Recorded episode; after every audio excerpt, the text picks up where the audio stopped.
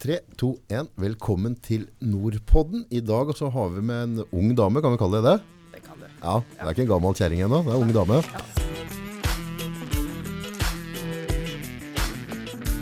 Er utdannet osteopat, har bodd mange år i utlandet, og er svært samfunnsengasjert, noen generelt. Og nå har du, hva er det vi kalte den gruppa? Prosjekt Perfekt. Der er du midt oppi det. Der er jeg. Ja. Kan du komme enda nærmere, og så inntil Oi. mikrofonen? Dra det, det med deg, og så vri stolen litt til, og nå skal vi sitte her, og så Ja, blir det litt tull, vet du. Ja. Kaffe har du fått? Det har jeg fått. Ja, så bra. Veldig bra. Mm. Silje Sven, Ja. velkommen til Nordpodden. Tusen takk. Det blir spennende. Ja, tror du ikke det? Jo, det tror jeg. Prosjekt Perfekt. Nå må du forklare litt. Ja. Er du så perfekt, liksom? Hva, er greia? Definitivt ikke. Definitivt ikke. Nei, Det er motsatsen jeg har lyst til å snakke om. Det at vi mennesker vi er ikke perfekte på alle plan. Vi kan være gode på våre ting. Vi har våre kvaliteter. Men det er ikke sånn at vi kan være perfekte i alt vi skal gjøre til enhver tid.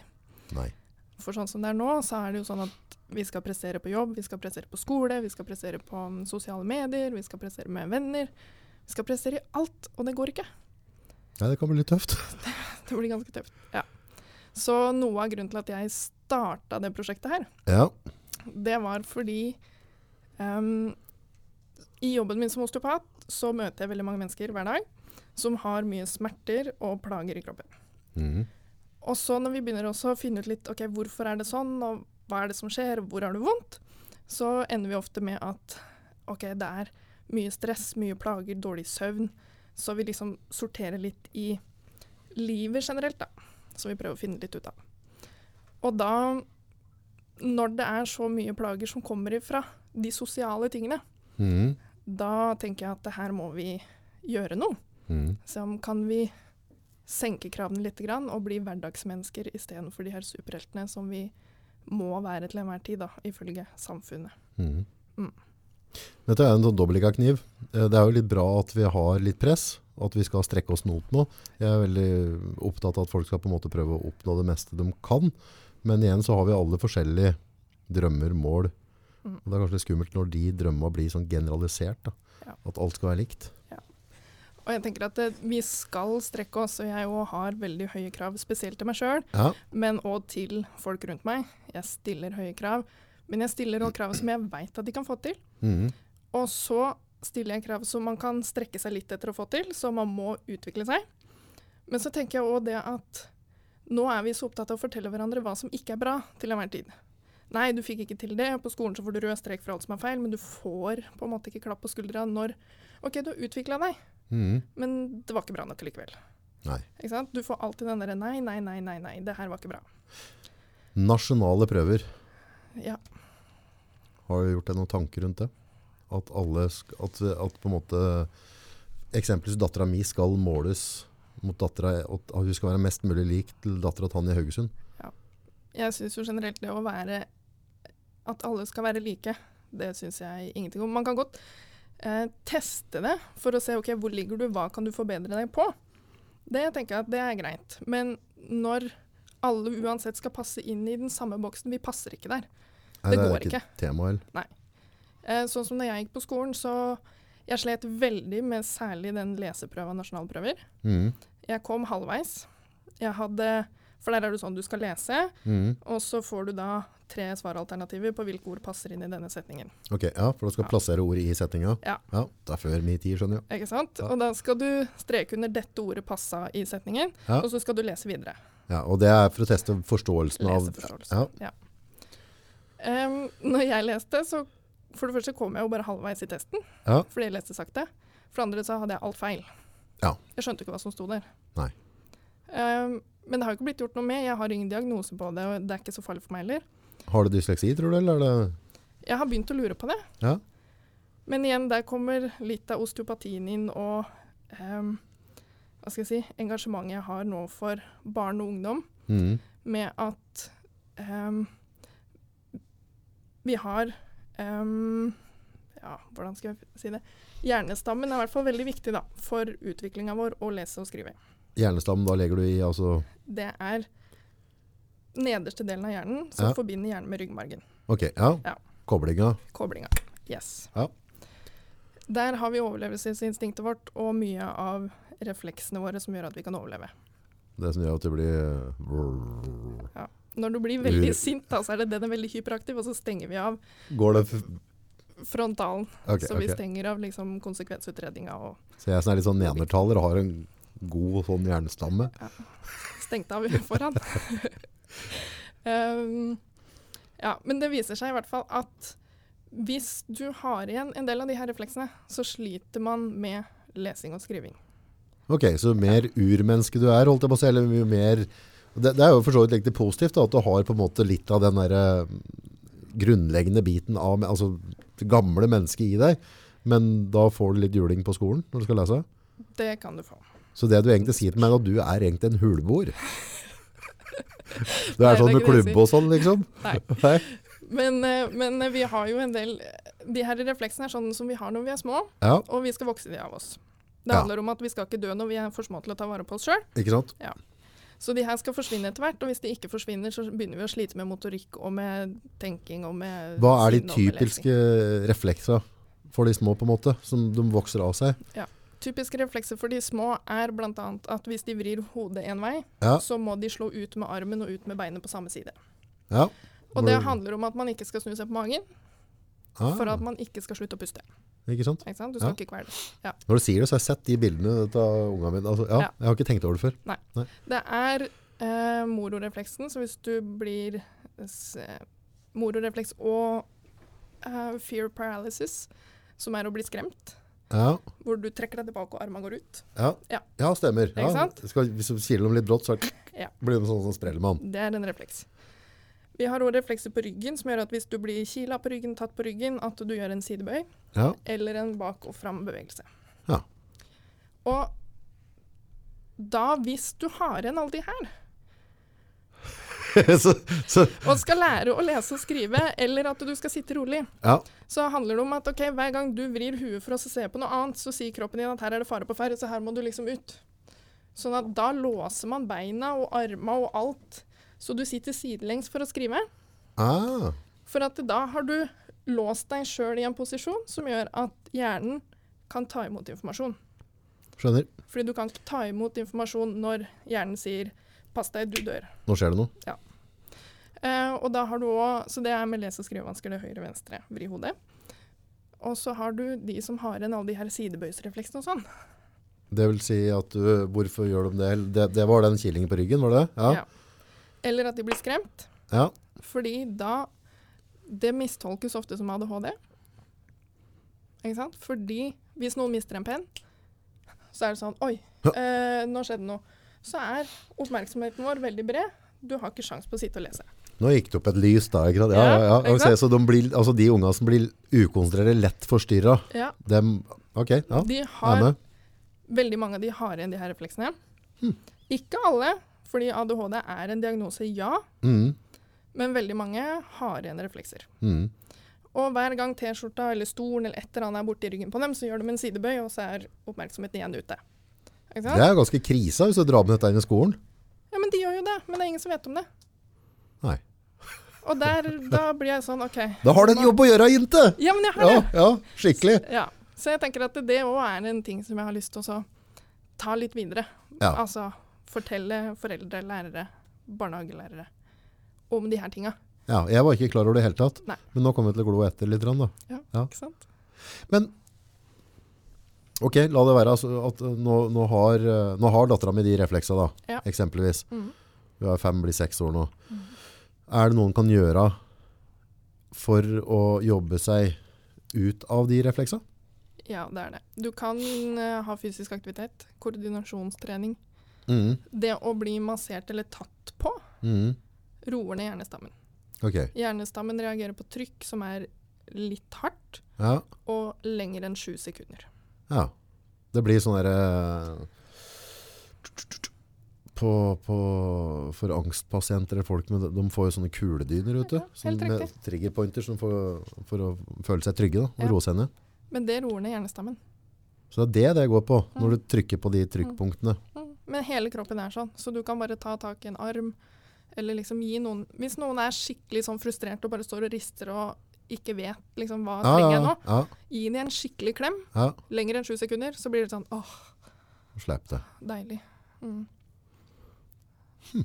Og når det her foregår, så skru på en måte de større delene av hjernen av. Sånn at vi er ikke mottagelige for samtaler, ikke for læring. Ikke, vi er ikke Nei, vi tar ikke imot noe. ting. Nei. Fordi at Da har det tverka seg. Systemet bare sier stopp, nå må du rydde opp her først.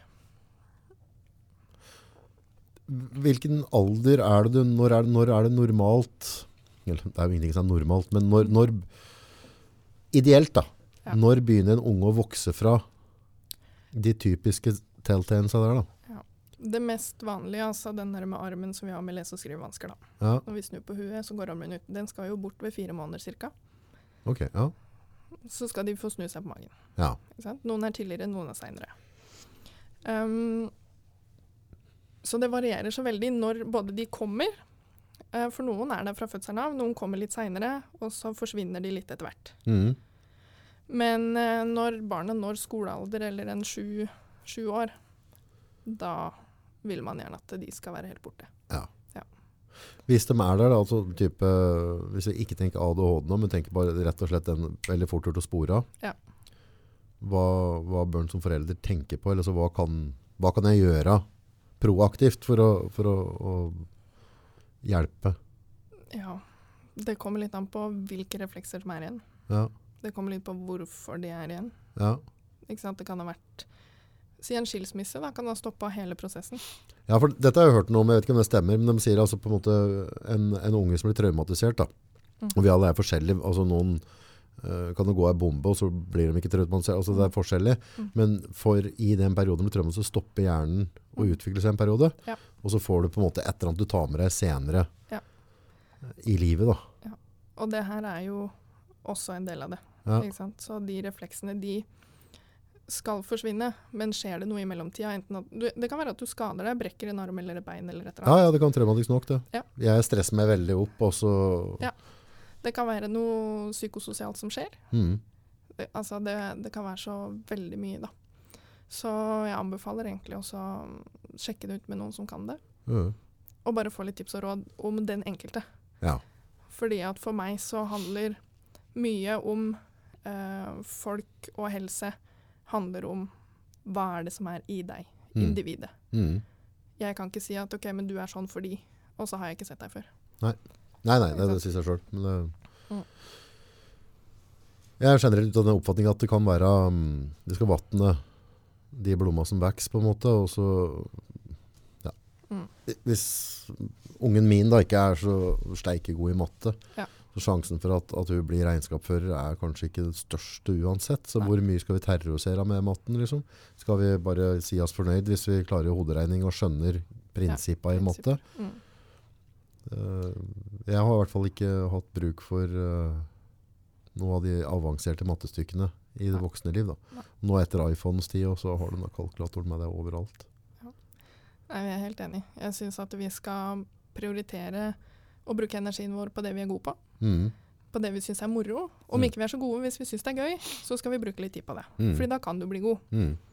Men hvis du syns det er forferdelig å sitte og drive med det, hvis det Mm. bare terroriserer deg, Mm. og hvis på en måte OK, du hadde kanskje ikke talent innenfor matte, så driv litt mindre med det.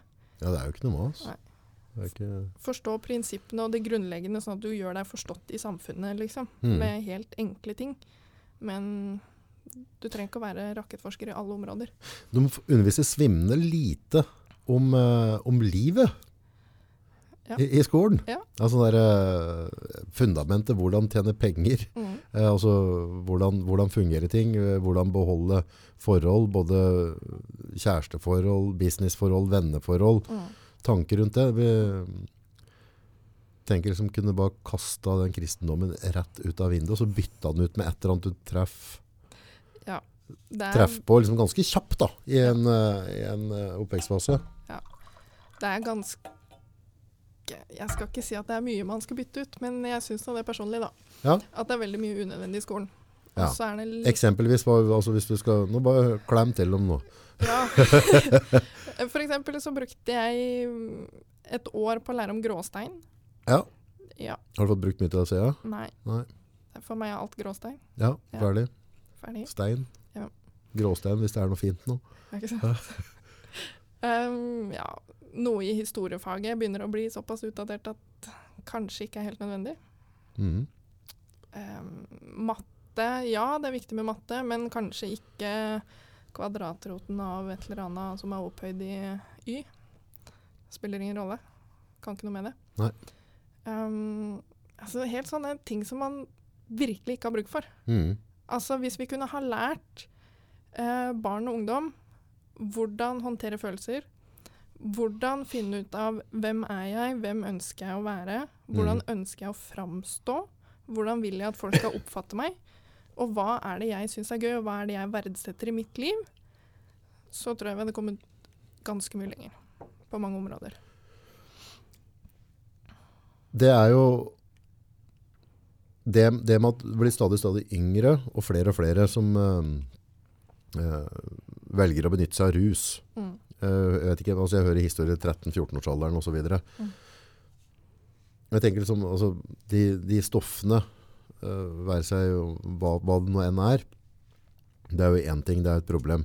Mm. Men hvorfor får de behov om å ruse seg vekk fra hverdagen? Altså, nå er det, vi er i barnehage, og så begynner vi ett år tidligere på skolen. Er det, de går inn som femåringer, fem-seksåringer. Seks, ja, det året de fyller seks da. Ja. Og så skal det bli putta i et system, og så blir du undervist i masse ting, og så kanskje ikke riktig som om livet. Før så hang vi kanskje litt mer hjemme, og så fikk vi en sånn livs... Altså du fikk være med å jobbe litt, og du fikk eh, være med naboen, besteforeldre. Altså, Ja. Du fikk eh, på godt og vondt da, litt utdannelse fra livet. Ja. Men nå er det på en måte, nå er det på skolen, og så er du der hele dagen, SFO foran og bak eventuelt. Og så er det kanskje noe idrett, et eller annet organisert der også, som du skal forholde deg til et system. Så blir det svindelig lite tid til, eh, til å, å bare henge og observere og se på de voksne. Hvordan prater du med naboen i en konflikt med, om hekken? Hvordan løser mor det? Altså, eksempelvis da. Kan det, være, kan det være en faktor, tror du? Ja, det tror jeg. Jeg tror det kan være en faktor. Jeg tror òg at tid eh, som foreldrene har fordi at nå er det jo sånn at de aller, aller fleste foreldre jobber jo fullt, Mm. og gjerne mer enn det òg. Mm. Og da har man mindre tid sammen med barna sine, og da må man sette de bort, og da setter man de bort til det her systemet. Mm. Um, og så tror jeg at man ikke lærer det derre eh, grunnleggende hva er viktig for meg. Fordi at det er bare sånn her skal det være, så du må bare gjøre det. Forholde deg til det, ja. Ja. Ja. Og så da tror jeg at mye blir sånn at ja, men det her føles ikke riktig, men jeg må gjøre det. Så tvinger man seg til å på en måte passe inn, og så har man ikke noen å prate med, fordi de som skulle kanskje ha vært der, de er ikke der. Mm. Og så går det veldig mye på ja, men hvem er jeg, hvorfor skjer det her med meg? Mm.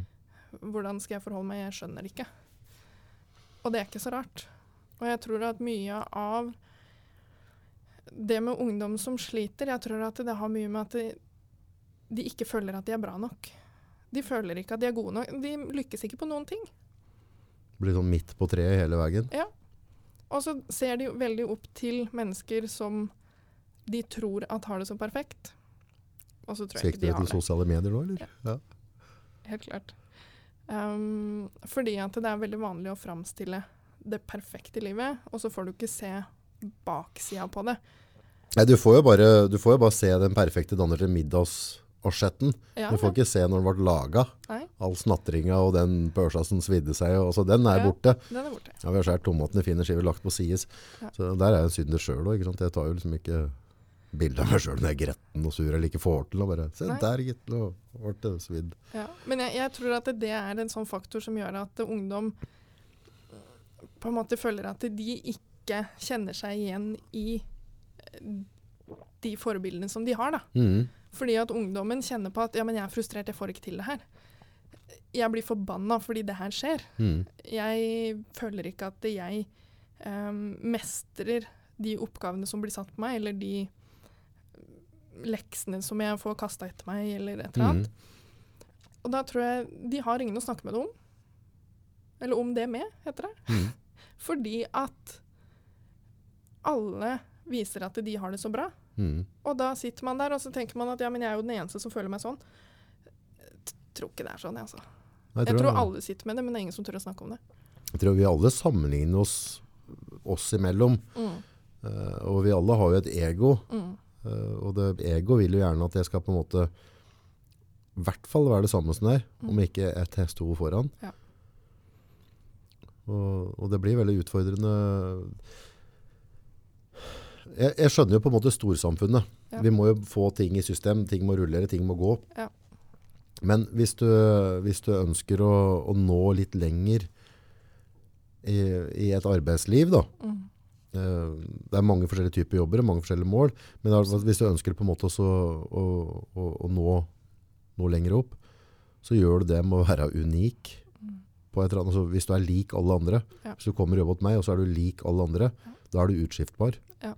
Det er ikke noe spesielt med deg. Jeg, jeg finner flere som deg. Ja. Så det er en veldig sånn dårlig måte å sikre deg eh, lønnsforhøyelse de neste ti åra. Men hvis du på en måte utvikler deg på et eller annet område, blir unik på en eller annen måte, Mm. Så, så sitter det veldig mye tryggere i det Absolutt. i jobb òg. Og jeg tror det er mye morsommere. Jeg tror man har det mye bedre hvis man kan si at OK, vet du hva, jeg er god på det her, jeg velger å bruke tida mi på det. Mm, Jeg ønsker å satse mot det, mm, og så drit i hva andre sier. mm, Fordi at det gir deg noe, eller at det gir meg noe. mm, Og da har jeg lyst til å bruke tida mi på det. mm. Og der tror jeg det er veldig mange som mislykkes på å si at jo, men det her er viktig for meg. De, Men- tør, de tør ikke å si det. Men hva, hva gjør vi da? Altså, problemet er jo noe, hvis vi dytter unga inn på skolen. Mm. Ting er jeg helt sikker på. Hvis, eh, hvis du skal oppnå et eller annet Mm. med ditt virke, Mm. så må du spisse det inn. Skal du være med på alt, så kan du bare drite i det. Da kommer det ikke til å bli noe av deg. Enkelt og greit. Det er bare, sånn er det bare. Mm. Sånn er det, altså, du kan ikke være norgesmester i ski og drive med sykling og golf Nei. og tennis ved siden av. Du må på en måte snevre inn ting. Ja. Hvis du skal på en måte oppnå. Hvis ikke skal bare være average på alt da.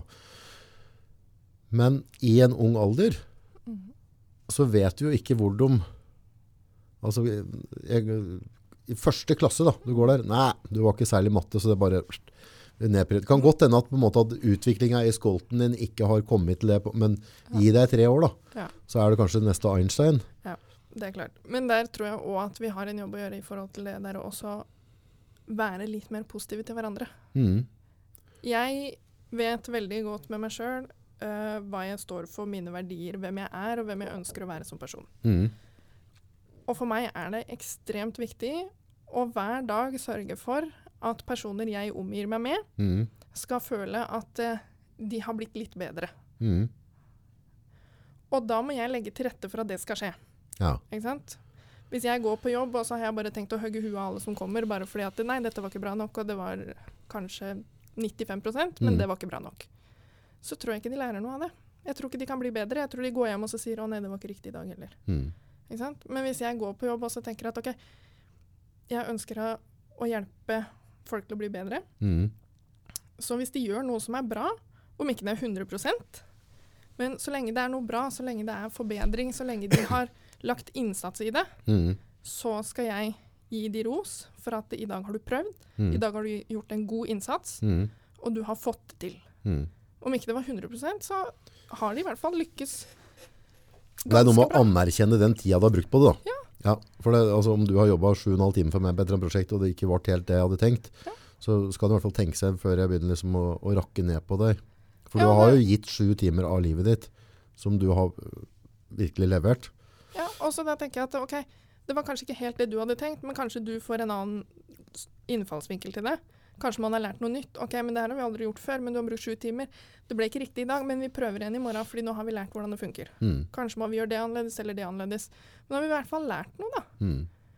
Og jeg tenker at vi er altfor kjappe i dag til å bare slå beina unna hverandre. Mm. Og så si at nei, det var ikke bra nok. Hva da? Folk prøver så hardt de kan, og så skal de bare få beskjed om at nei, men du er ikke god nok. Mm.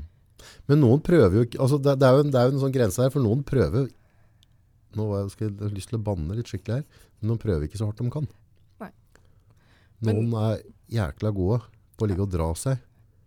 Ja. Og være stakkarslig og føle på ting og tenke på ting, og så gjøre veldig, veldig Mm. Slack de, innsats da. men det er ikke de jeg applauderer heller. Nei. Ikke sant? Det, Nei, for det er handler bare å skille kli fra veta der òg. Ja. Men dem òg trenger jo på en måte en eller annen slags motiverende Ja. Og da tenker jeg at da må man prøve å kanskje si OK, men for det første, hva er det som er gærent? Hvorfor gjør du det her? Og kan vi finne ut av en eller annen måte også gjøre det litt bedre på? mm, Sånn at i morgen blir det litt lettere. mm. Ikke sant? Kan jeg sende deg en melding i morgen og så spørre Hei, går det bra, liksom? Har du noe mål for dagen? Ja. Jeg gjør det til folk rundt meg. Så bra. Ikke sant? Det er en Altså- reminder, det. Sånn, hei, har du opplevd noe positivt? Ja. Altså bare få folk til å begynne å tenke litt, begynne å gjøre noe. Men istedenfor at jeg skal si at ja, men du er bare lat, du gidder ikke. Mm, Men jeg har kanskje ikke spurt om har det skjedd noe. mm. Eh, Ja, det går noe andre veien. ja, og så Jeg setter heller ikke pris på folk som bare ikke gidder. Nei. Blir fly forbanna. For jeg, som jeg sa i stad, jeg stiller veldig høye krav til meg sjøl, jeg stiller høye krav til andre. Mm, Men jeg stiller òg de krava til meg sjøl at jeg faktisk er med å heie på andre, sånn Mm. at de er i stand til å få det til. mm, Og jeg legger veldig ofte til rette for andre, sånn at de skal få det til. mm. Hvis de sier at ja, men det er vanskelig for de, ja, OK, men da må vi finne en løsning på det problemet. Mm, Hva gjør vi? mm. Så har vi kanskje to-tre alternativer, og så får vi bestemme oss for er det alternativ én, to eller tre. Og hvis da den personen får lov å velge, så går det kanskje lettere. Mm. Istedenfor å tre det over huet på den. Eller hender. Si at vi, det, det finnes noen muligheter her. Hva er den beste? Kanskje for alle parter, og så finner man ut av det. Med prosjektet ditt, Mm. hvis du, hvis du på en måte føler at du lykkes der da, Ja. hva har du oppnådd da? Hva gjør du da? Hvordan ser hverdagen, og hva, på hvilken måte hjelper til folk da? Altså Jeg tenker sånn jeg, Hvis jeg lykkes med det her og kan hjelpe én person også til å ha det bedre Ja, Snu tankegangen hos én person. det er et helt liv. Ja. Det er mange dager, mange minutter, mange Ja. sekunder. Det er det. Så Nei, jeg vet ikke. Det, det er spennende å dra i gang. Se hva det kan bli til. Se hva folk tenker om det. Se hva jeg tenker om det. Mm. Um, hva kan vi få til sammen? Mm. Uh? Tilbakemeldingene som kommer når vi har begynt å dra det i gang. Hva er bra? Hva kan vi gjøre bedre? Hvordan skal vi få med oss folk? Hvordan kan vi komme så tett opp til at folk tenker at åh, men hun der, hun har vi lyst til å prate litt med, eller Deg sjøl oppi det hele. Du får jo noen skuffelser da. Det er, sånn er det bare. Om du skal jobbe med meg eller noen andre, eller et eller annet, så Ja. på et eller annet tidspunkt så kommer jeg til å skuffe deg. Det. Eh, og, og det kan jo være ofte at du kan komme i en posisjon der du bidrar til en framgang, Mm. og, og ting går, og det betyr veldig mye for deg. Du, du syns det er veldig gøy. Mm. Du legger veldig mye til rette. Og så, og så merker du at personen bare begynner å slå av gassen. Ja. Og slutter å, og slutter å utvikle. Kanskje går bakatover, rett og slett. Ja. Eh, Hvor, hvor mange ganger skal vi prøve da liksom Hvor mange samtaler skal vi ha med dem da? Før vi sier at jeg må faktisk bruke tida på noen som faktisk ønsker Ja. å oppnå noe. Det tenker jeg det kommer litt an på hva det dreier seg om, og hva samtalene går ut på. Mm. Um, men jeg er veldig glad i å snakke med folk og spørre hva er det her, og hvorfor skjer det. Mm. Uh, kan vi løse det? Og hvis ikke vi kan løse det, så må vi bare stoppe det, Mm. f.eks. Um, Ja, for du har bare 24 timer du òg. Jeg har det. Men um, jeg skal bruke all den tida jeg på en måte trenger nå til å se om jeg kan lykkes med det her. Og jeg har, um, jeg har fått meg noen slag i trynet før, så jeg har reist meg opp igjen. Så jeg har reist meg opp flere ganger enn jeg har blitt slått ned. Så da tenker jeg at jeg får bare kjøre på neste gang. Det er eh, det som er eh, kunsten. Ja. Bare Så- pløye på. Ja, men det er jo det. Ja, det er jeg ikke noe jo um, Når jeg gikk på videregående, så gikk jeg til en um, um, sånn eh, veileder, studieveileder, Ja. fordi jeg lurte på å bli fysioterapeut. Mm. Og jeg var veldig lite glad i skolen, hvis man kan si det. Jeg hata det. Um, jeg hadde ikke så veldig gode karakterer. Eh, og jeg hadde lyst til å søke fysioterapi, men det var for høye uh, karakterkrav for å komme inn. Mm. Og da spurte jeg ok, men hva gjør jeg da, da? Kan jeg studere i utlandet? Kan jeg gjøre noe annet? Da fikk jeg beskjed at nei, men du er så dum, så du kan, du kan bli gymlærer. Unnskyld til alle gymlærere rundt i hele norske land her, men Ja, det var Houston sa det ikke. Nei ja. Nei, Nei. Men, men det var det jeg fikk beskjed om. Det var holdningen. Ja, Du er for dum. Ja. Ja. Jeg fikk beskjed at jeg var for dum, men fordi karakter eh, Sa, sa det i rene ord dum, eller at du bare sa at du har ikke talent nok? Eller var du den god gamle dumma?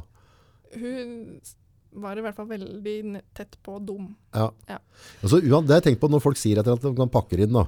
Ja. Men det som betyr noe, Mm. er jo den følelsen du sitter igjen med. Ja. Og det var at du var for dum. Ikke sant? Um, og så ble jeg sånn OK, nei, men hvis jeg ikke kan bli gymlærer Men jeg kunne også gå friluftsliv da på folkehøgskolen i Voss. Så klart. Ja. Kunne hoppe i fallskjerm. Det er jo heller Ja, ikke så, det- sånn basejumping er ikke dritkult det. Det er kult å se på, men eh, Det er veldig gøy å hoppe i fallskjerm, da. Men, eh, nei, men så da tenkte jeg at OK, hva gjør jeg nå? Hvordan skal jeg gjøre det her? Søkte på skole i Danmark. Kom ikke inn. Og det var mer pga. at eh, karakterkortet kom for seint. mm, Så jeg rakk ikke å sende det. kanskje glad for det. Vel. Ja. Det hadde gått fint, tror jeg. Men, eh, nei, og så ble det sånn OK, hva gjør jeg nå da? Jo, da jeg kommer inn i militæret. Aha.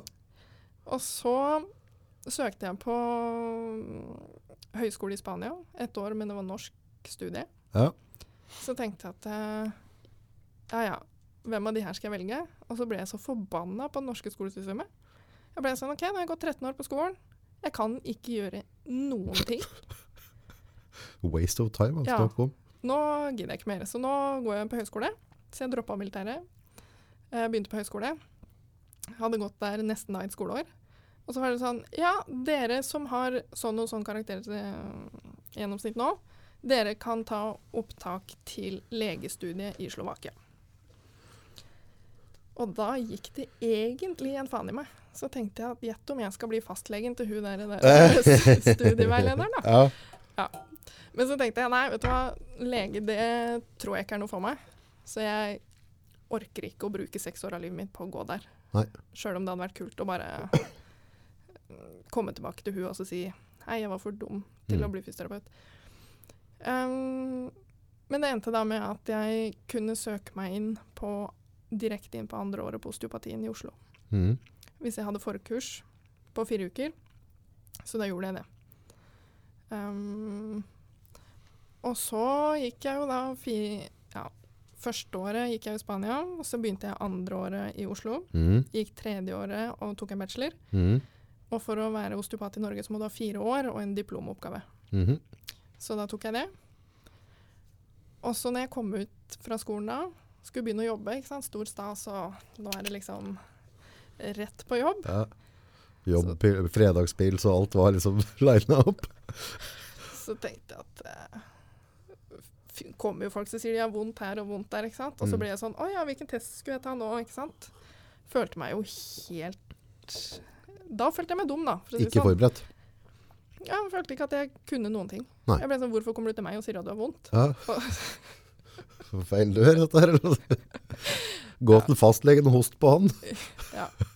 Nei, så da mm, Da tok jeg rett og slett og så søkte på videreutdanning i barn. Ja. I I barn. Osteopati for barn. Å, ok. Ja. I barn. Jeg tenker på bardisk. Den var tatt ut igjen. I barn. Små mennesker. Små mennesker. Ja. Små mennesker. Småtrøll. Ja. Ja. Um, og da når jeg begynte på det, og begynte å forstå ok, hvordan er vi laga, hvordan er det vi på en måte vokser oss til da, Mm. fra unnfangelsen til vi blir voksne, Ja. da har jeg skjønt hvordan kroppen funker. Ja. Så nå kan du komme til meg med nesten hvilken som helst problem. Og så tenker jeg OK, da har vi den og den og den og den og den sammenhengen. Ja. Men jeg må allikevel Du må begynne helt fra bunnen av. Unnfangelsen og hele greia. liksom. Ja, hele greia. Ja, men Jukker den slik, og så blir det noen... Vi lærte ikke så mye om det. Nei, nei, ok. Nei. Nei. Nei. Men du tok det i hvert fall veldig grundig, da. Men så lærte jeg helt fra begynnelsen av hvordan to celler smelter sammen og blir til et menneske. Ja. Så det var det jeg lærte om, ikke så mye om det før. Nei, nei, nei. Um, og det er så sykt interessant hvordan kroppen er. Ja, det er en sjuk greie, da. Det er helt latterlig. Ja. Så nå kommer det folk med alt mulig rart, og det er kjempespennende. Jeg kan liksom forklare dem, ja, men hvorfor skjer det? Hva er det i deg som gjør at det er sånn? Og jeg sjekker hele kroppen. Jeg sjekker fra stortåa og opp i hodet. Hver gang. Uh, jeg er jo en kladdsmed, og det er Ja. sikkert flere som er det òg. Mm. Osteopati. Osteopati. Takk. Forklar, sånn en treåring forstår hva du driver med. Ja. Jeg Eller femåring. jeg kaller meg seksåring i dag, da. Ja. Hvis jeg forenkler litt, hva, hva, hva er greia? Jeg vet hva liksom kiropraktor fysioterapeut, men jeg er ikke helt uh, opplyst på alt. Og det som jeg syns er kjempevanskelig å forklare osteopati sjøl, Ja. fordi at det er så mye. Men i utgangspunktet, det er eh, den første manuelle behandlingsformen som ble eh, grunnlagt. Så det vil si at fysioterapeuter, kiropraktorer, alle har tatt sine deler ut av osteopatien mm. og laga sin gren. Ok. Så osteopatien var først. Den er eldst. Eh, og så sier vi jo så svært at ja, vi behandler muskel- og skjelettsystemet. Mm. Men vi behandler jo alle systemer. Mm. Og for meg er det mer viktig å se kroppen i en helhet enn å bare se på muskler og ledd. Sånn at jeg behandler eh, bindevevsystemet, altså glideflatene imellom muskulaturen vår. Ja. Um, det er det hvite Hvis du har en kyllingfilet, Mhm. Og så har du en sånn hvit, tynn hinne som du lurer på hva er det her, Mm. det er bindevev. Bindevev. Ja. Ja. Det er sånn å holde puddingen på plass. Ja. Og det er kjempeviktig, fordi det fungerer som eh, hvis du har to eh, glassflater Ja. som du legger mot hverandre, Ja. og de glir ikke så veldig godt. Nei. Men så putter du vann imellom, Mm. da flyter de. Ja. Så min jobb er på en måte å gjenvinne, få tilbake det vannet imellom. Sånn at ikke det blir så stramt, eller sånn at det kan begynne å bevege seg. Ja. Ikke? Um, og så er vi òg de eneste som tar hensyn til um, organene våre. Jeg kan ikke behandle organet direkte, men jeg kan behandle glideflata og bindevevsystemet. Bindevevet som ligger rundt, mm. så det beveger seg på en annen måte. Ja. Eller at vi tar hensyn til hvis du har en hjernerystelse eller hodeskade av noe slag. Mm. Sånn at for meg så er liksom hele kroppen viktig. Åssen er en typisk behandling da? Hva gjør du da, liksom? Tråka du på folk, eller er det Nei, tråker ikke på folk. Jeg finner ut eh, hvilke deler av, av kroppen er det som ikke fungerer så godt. ja. Og det varierer fra person til person og fra gang til gang. La oss si hvis jeg har vondt Ja. i armen, da. Hvis du har vondt i armen, så begynner jeg Da sjekker jeg jo selvfølgelig fra tærne og helt opp Okay. og helt ut. Så du begynner med stortå hvis jeg har vondt i, i bånn av bicepsen? Yep. Ok. Men det har med hva er sammenhengen. Hvorfor har du fått vondt i albuen? Ja. Ikke sant? Og for meg, som ser det her såpass mye, mm. så er det veldig sjeldent at en tennisalbue eller eh, vondt i albuen er en direkte lokal skade eller et lokalt problem, med mindre du har hatt et traume eller noe som har skjedd der. Røk. Ja. Sånn at det jeg finner oftest, og jeg sier ikke at det er alltid, Nei, nei. men oftest, så er det nakkeproblematikk eller ribbeinsproblematikk. De øverste ribbeina mm. de har nerver som går ut i armen og kan gi sånne betennelseslignende symptomer og sånt. Sånn at jeg tror de siste tre-fire månedene så har jeg nesten ikke tatt på albuen til folk som kommer med al albueproblemer. Nei. Men det er fordi det er ikke albuen det sitter. Gir dere folk noe å ete, noe medisin nå, eller er det bare behandling? Bare behandling. Så jeg kan knekke, jeg kan tøye, jeg kan klemme, jeg kan Så du kn. Ja. fikser rygg og sånn Ja. Jeg kan fikse det meste. Ja. Og det er i den utdannelsen så har du også lov til å knekke folk, liksom? På samme ja. måte som en kiropraktor? Ja. Så du kan også egentlig funke som en kiropraktor hvis du ønsker det? Ja, Det kan jeg. Men jeg har alltid mye lengre behandlingstid. Jeg setter av en, Ja. mellom tre kvarter og én time til alle mine pasienter. Ja, for en kiropraktor, øh, der er det så klart mange forskjellige. Mm. Noen øh, er veldig dyktige til å sette av god tid og sånne ting. Mm. Min er kjempebra. Mm. Men det kan være mye sånn wham bam, thank you ma'am. Ja. Altså det er bare sånn, vi, vi har tre rom, Ja. så ligger det klare, og så kommer jeg Ja. og så bare rullerer vi. Så hun kontordama hun bare driver egentlig bare skyfler kveget inn og ut, Ja. og så og puncher inn. Så du får liksom, det er ikke noe sånn, har du sklidd på holka, så du fikk deg en kink liksom, bare, «Oi, der ja, sånn, neste. Mm. Og Det er en uhjelp, tenker jeg. Ja, Det tenker jeg òg. Jeg syns det er så synd, fordi at det er så mye mer med kroppen enn bare å se hvor er låsninga. Ja. Hvor er det det ikke funker. Um, så for meg så handler det hver eneste gang Uh, For det første, når folk kommer til meg og spør kan jeg få hjelp til det her, tror du jeg kan hjelpe deg, Mm. Og da er svaret alltid ja, jeg skal gjøre så godt jeg kan. Mm. Og hvis ikke det blir bedre etter én eller to ganger, så skal jeg ikke gjøre det mer. Nei. Fordi at hvis ikke jeg er i stand til å finne ut hva er problemet, så kan jeg ikke hjelpe. Og hvis du da kan knekke opp igjen samme virvelen da, hvis du går til kiropraktor, og så kan du knekke opp samme virvelen 20 minutter etterpå, Mm. så har det ikke skjedd en forandring. Nei. Han har ikke fjerna grunnen eller årsaken til at Hvorfor den virvelen kommer tilbake i den posisjonen hver eneste gang. Nei. Sånn at for meg så handler det ikke så mye om hvilken utdanning man har, om man er kiropraktor, osteopat eller fysioterapeut. Det handler om hvem man er som terapeut. Mm. Hva ønsker du for dine pasienter, og hvor seriøst tar du de? Mm. Og jeg tror det finnes veldig mange dyktige i alle felt, Helt klart. og jeg tror det finnes veldig mange som bare vil ha folk på rundgang bare for å ha Helt penger. klart. Og jeg syns det er en forferdelig uting.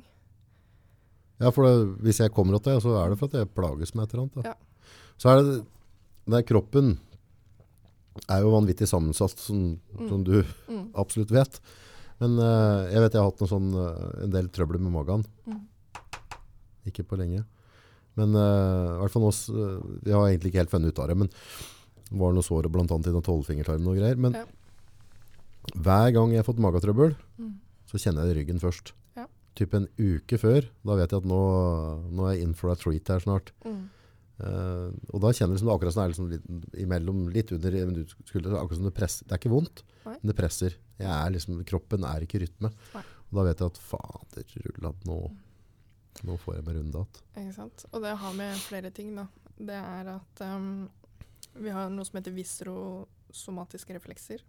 Som betyr nervene ifra organene våre. Ja, De går til ryggen ja, før de går opp til hjernen. Ja. Og på veien der, der de går inn tryggen, ryggen, der skaper de trøbbel i muskulaturen. Så det er det ubehaget. Ja. Så du kjenner det. Og samtidig så er det ingen organer som har smertenerver. Som vil si at Så hvis du poker en nål inn i magasekken min, så kjenner jeg det ikke. Nei. Nei. Det går ikke Hvordan an. går det da vondt i magen da, om jeg tør spørre? For det har jeg hatt! Ja? Skikkelig! Ja, Ja. Men, men man har vondt i magen. Men Mm. det er vevet rundt, og Maga. musklene rundt, og det er alt rundt. Okay. Men organet i seg sjøl kan ikke gi smerte. nei. det Så hvis du på en måte gir meg lukkeholdelse, så åpner du buken min da. Mm. Og så har du ikke bedøvd øh, tarmsystemet, så kan du drive og pelle og operere årene i det uten at det ligger og hyler. I Ja, så lenge du tar bare tarmen. Så Ja. lenge ikke du har opphengssystemet og bindevevsystemet rundt. Ja. For det ligger jo der uansett. Men det er jo òg samme som når de opererer hjernen. Så er man jo våken, og du Mm. har lokalbedøvelse, og så har du ikke noe bedøvelse i hjernen fordi det går ikke an å ha vondt i hjernen. Sant? Mm. Jerndau. ja, ja. Ja. Men, så det blir litt sånn der, ok, når, når folk kommer til meg og har vondt i ryggen f.eks., Ja. så er jeg veldig opptatt av ok, hva skjer i magen. Fordi at jeg vet at organene eller bindevevsystemet på framsida forteller baksida at her er det et problem. Ja. Så derfor så må jeg finne ut ok, For jeg vet at referanseområdet f.eks. til hjerte-lunger er imellom eh, brystryggvirvel fire og seks. Ja. Og da vet jeg at ok, hvis det er masse trøbbel her hele tiden, hva da med det på framsiden? Mm. Hvordan er hjertet ditt, hvordan er lungene dine? Mm. Og det er viktig med folk som har sykdommer. da. Hvis du har kols eller har astma eller Og det kan gå andre veien nå. Ja, det kan gå andre veien. For jeg mener, jeg har sett et eller annet på YouTube Ja. eh, i forhold til eh, med Crohns. At, eh, at noen har på en måte trodd at de har hatt kroniske magelidelser, så viser det at de har bare vært skakk i ryggen. Mm. Mm. Ja, det er klart. Også det er jo òg nak øverste um, nakkevirvelen. Mm. Uh, der kommer jo nervus vagus ut, eller på C2. Um, og det er den tiende hjernenerva vår. Og den styrer mye av fordøyelsen. Den, styrer, den demper hjerterytme, den øker um, bronkiolen, eller um, luftveiene våre. Mm. Den setter i gang magen og fordøyelsen. Den setter i gang hele systemet hele veien ned. Uh, og da er det klart at ok, men har du et eller annet trøbbel i nakken, så kan du få magetrøbbel eller Problemet med fordøyelsessystemet og hele hele pakka. Og det samme gjør jo motsatt, da. mm. Så hvorfor folk som har vondt i nakken og vondt i hodet ikke sant? Hvorfor begynner jeg å sjekke ting i magen? Mm. Det er fordi at det er en kobling der. Ja, det henger jo hopus, da. Ja. Så det, det går jo ikke an å stikke under stol. Men da tenker jeg at jeg må, jeg må hver eneste gang jeg får noen inn døra hos meg, så må jeg se den personen. Mm. Hva er det i deg som jeg kan forbedre, sånn at du ikke får det her tilbake? Mm. Og jeg blir fly forbanna, det tror jeg alle kan uh, si som har vært hos meg. Hvis jeg ikke greier å få noe bedre, har prøvd to ganger, Ja. da sier jeg sånn Ja, akkurat. Hva skjer? Hva er det her for noe? Hvorfor funker det ikke?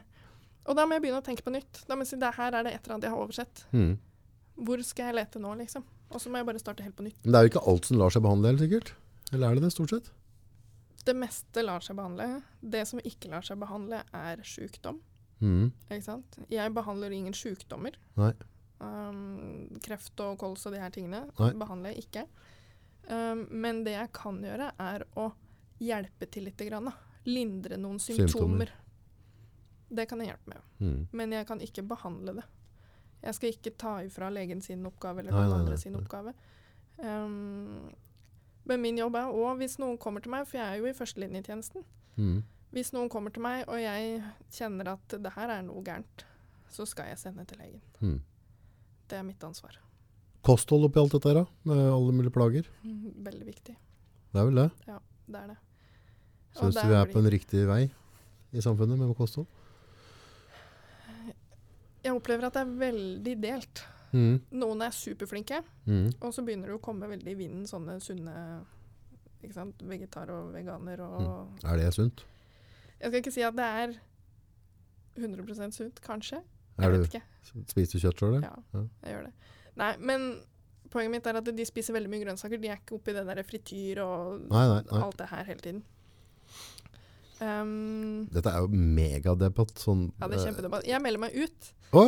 Skal ikke være med på det i det hele tatt. Rødt kjøtt! Ja, men jeg er ikke Nei. Jeg spiser eh, kjøtt og jeg spiser frityr, men jeg spiser mye grønnsaker. Og jeg prøver å variere litt. Mm. Men jeg går òg på en smell, liksom. Mm. Kjøper masse smågodt og sitter og stapper inn på Ah. sukkerkjøret? Sukkerkjøret. Så det, det kan jeg få til. Ja. Så mm, jeg skal ikke dømme noen ut ifra hva de spiser, men jeg tenker at um, det har mye å si, da. Hvis du har mye trøbbel i kroppen, og du velger å stappe inn på frityr hver eneste dag, så mm, Ber du litt om det? Ja. Og da kan det hende at jeg sier det òg, hvis man kommer til meg. Jeg føler liksom at uh, karbohydrater mm, er uh, i hvert fall min største fiende. Mm. Generelt. Hvis jeg har karbidrata på et normalt nummer én, så slipper jeg legge på meg eh, mer enn det jeg ønsker. Og så syns jeg kroppen jobber mye, mye lettere. Sover bedre, mer opplagt om morgenen, mindre vondter Ja. i ledd og alt sammen. Hvis jeg på en måte sørger for at jeg får med de på essensielle fettsyra som er riktig, og så holder karbohydratene nede på et minimum. mm.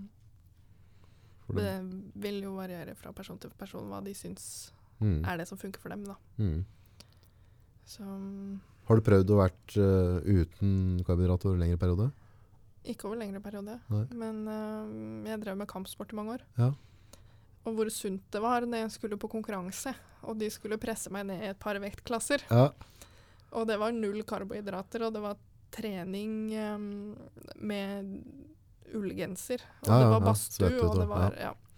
Så jeg rasa jo, jeg vet ikke hvor gammel jeg var, 14-15. Hvilken kampsport drev du med? Taekwondo. Taekwondo. Så rasa jeg jo ned var da, sju kilo på tre dager. Mm. Det er for vann. sunt, altså. Er klart, men da, da, da tapper vi vann. Og det, det er på en måte Det jeg merker for så vidt, er hvis jeg har hatt lengre perioder som jeg har holdt meg helt uten karb. Mm. Jeg får i meg noe fiberbasert karb, altså via grønnsaker og sånne Mm. ting, så klart. Så det, Mm. noe blir det. Men eh, hvis jeg på en måte har holdt dette vekke fra systemet en måned eller to, og du begynner å dytte på igjen litt med noen brødskiver og litt forskjellig, Mm. så er det nesten som føler jeg sånn raumatisk i kroppen. Ja. Kjenner i ledda, du kjenner litt i ryggen, knær. Tær, alt. Og kroppen reagerer liksom i ikke positiv retning på det. Nei. Men hjernen min er jo koko avhengig av det. Det er min òg. Det er så vanskelig. Hvorfor skal det være så vanskelig, liksom? Det blir vel liksom andre avhengigheter, da. Mm. Jeg kan slå til min refleks. Nei, jeg skal ikke. Ja. Hva var refleksen? Vi har en babkin-refleks inni hånda. Inni håndflata. Kebabrefleks i hånda, den du har klokka tre på natta. Var det det du kalte det? Ja, det, det Bab. kan hende. Babrefleks? Ja. Babkin. Babkin? Ja. Ja. Men det er nesten det, altså. Fordi det er Hvis du får Selvfølgelig små barn, for vi voksne skal ha voksne av oss. Ja. Får du masse trykk inni håndflata, det er det som unger Når de tar på ting, så vil de putte det i munnen. Ikke sant? Ikke sant? Det er trykk mot håndflata, jeg putter det i munnen. Ja. Og hvis den er aktiv, så begynner du å få masse spyttproduksjon, og du begynner å svelge når du får noe i hånda. Så kanskje det er den som er aktiv når du Har vært litt ute på byen og fått i deg noen Jeg har handshake og klappa på folka. Ja, får den der kebaben som bare Det er eh, Ja. Ikke, altså, så hvis jeg på en måte har en sånn litt sånn konkurranse med kollegaer da, på å gå ned i vekt eller et eller annet sånt, ja så hvis jeg da på en måte hvis jeg da liksom, Det syns du har jobba som jeg skal massere hendene dine Ja. litt, ja. så klemmer jeg litt på noen punkter. Ja. Så er stiller jeg ikke, Du trenger ikke å treffe punkter engang, det er bare å massere hånda. bare klemme på nevene. Ja. Mm. Så du trenger ikke noe opplæring i det. Er bare å sitte og gi litt sånn håndmassasje. Ja. Så da er du der. Restauranteiere kommer til å bare holde deg i hånda lenge. Hei, altså, du er det sulten i dag. Det hadde vært ganske morsomt. da. Ja, men det er jo sånne koko reflekser da, som gjør ting. Ja, Det er det. Enkelt og greit. Det er veldig mye. Det er noe rart. Sammen med hikke. Mm. Klemme tommelneglen under lillefingerneglen, så stopper det å hikke. Jøss. Det har jeg aldri hørt om. Nei, nyse mener jeg. Nyse. Hva er det nyse? Ja, det er helt, Men nyser du så mange ganger? Nei, men det er noen ganger hvis du sitter i et møte eller et eller annet, og det ikke passer at du bare tar den ordentlig, og Ja. jeg har ganske bra snyttskaft, så når jeg drar på, så er det en skikkelig nys. Så hvis jeg da klemmer under der, okay. så går nysen bort. Helt det Ja, det funker. Men du får den igjen etterpå da. Det går sånn Ja, halvtime, ja, så får du den igjen forsterka. Men sitter du i kirka liksom, og du ikke skal hatcha, Ja. så funker den. Benyttet mange ganger. Ja, det var bra tips. Noen indianertriks fra Brumunddal. Brasil, Ja. var det ikke det? Jo. Jeg var i Brasil på utveksling i skoleåret 2009-2010. Og det var eh, veldig spennende. Mhm. Kom dit. Snakka jo ikke portugisisk, Nei. i hvert fall. Og engelsk var jo rimelig dårlig. kan si. dem eller deg? Ja, be Begge deler? ja takk, begge deler, holdt jeg på å si. Yes, yes, no problems. Ja. Jeg var ikke noe god i engelsk før jeg dro. Nei. Jeg hadde jo engelsk på skolen. Mm. Men jeg tror jeg fikk sånn sympatikarakter. Ok. Ja, for det var helt elendig. Ja. Han må snakke mye engelsk for å få det til å flyte. egentlig. Ja. Nei, så jeg kommer dit.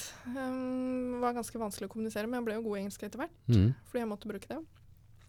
Um, var på skolen, måtte egentlig bruke portugisisk. Som du ikke kunne. Ja. For all undervisning var på portugisisk. Historia repeterer seg liksom fra barneskolen. Ja. Karakterene bare går gjennom taket. Eh, ja. Nei, nei, så jeg Jeg gjorde faktisk én matteprøve det året. Ja. Eh, det var to uker etter at jeg kom ned, tror jeg. Mm. Eh, Da var det fire oppgaver. Det var to og et halvt poeng per oppgave. Jeg satt da med eh, norsk-portugisisk ordboka mi, mm. oversatte alle orda. Fant ut at jeg skulle regne arealet av en trekant. Ja. Gjorde det.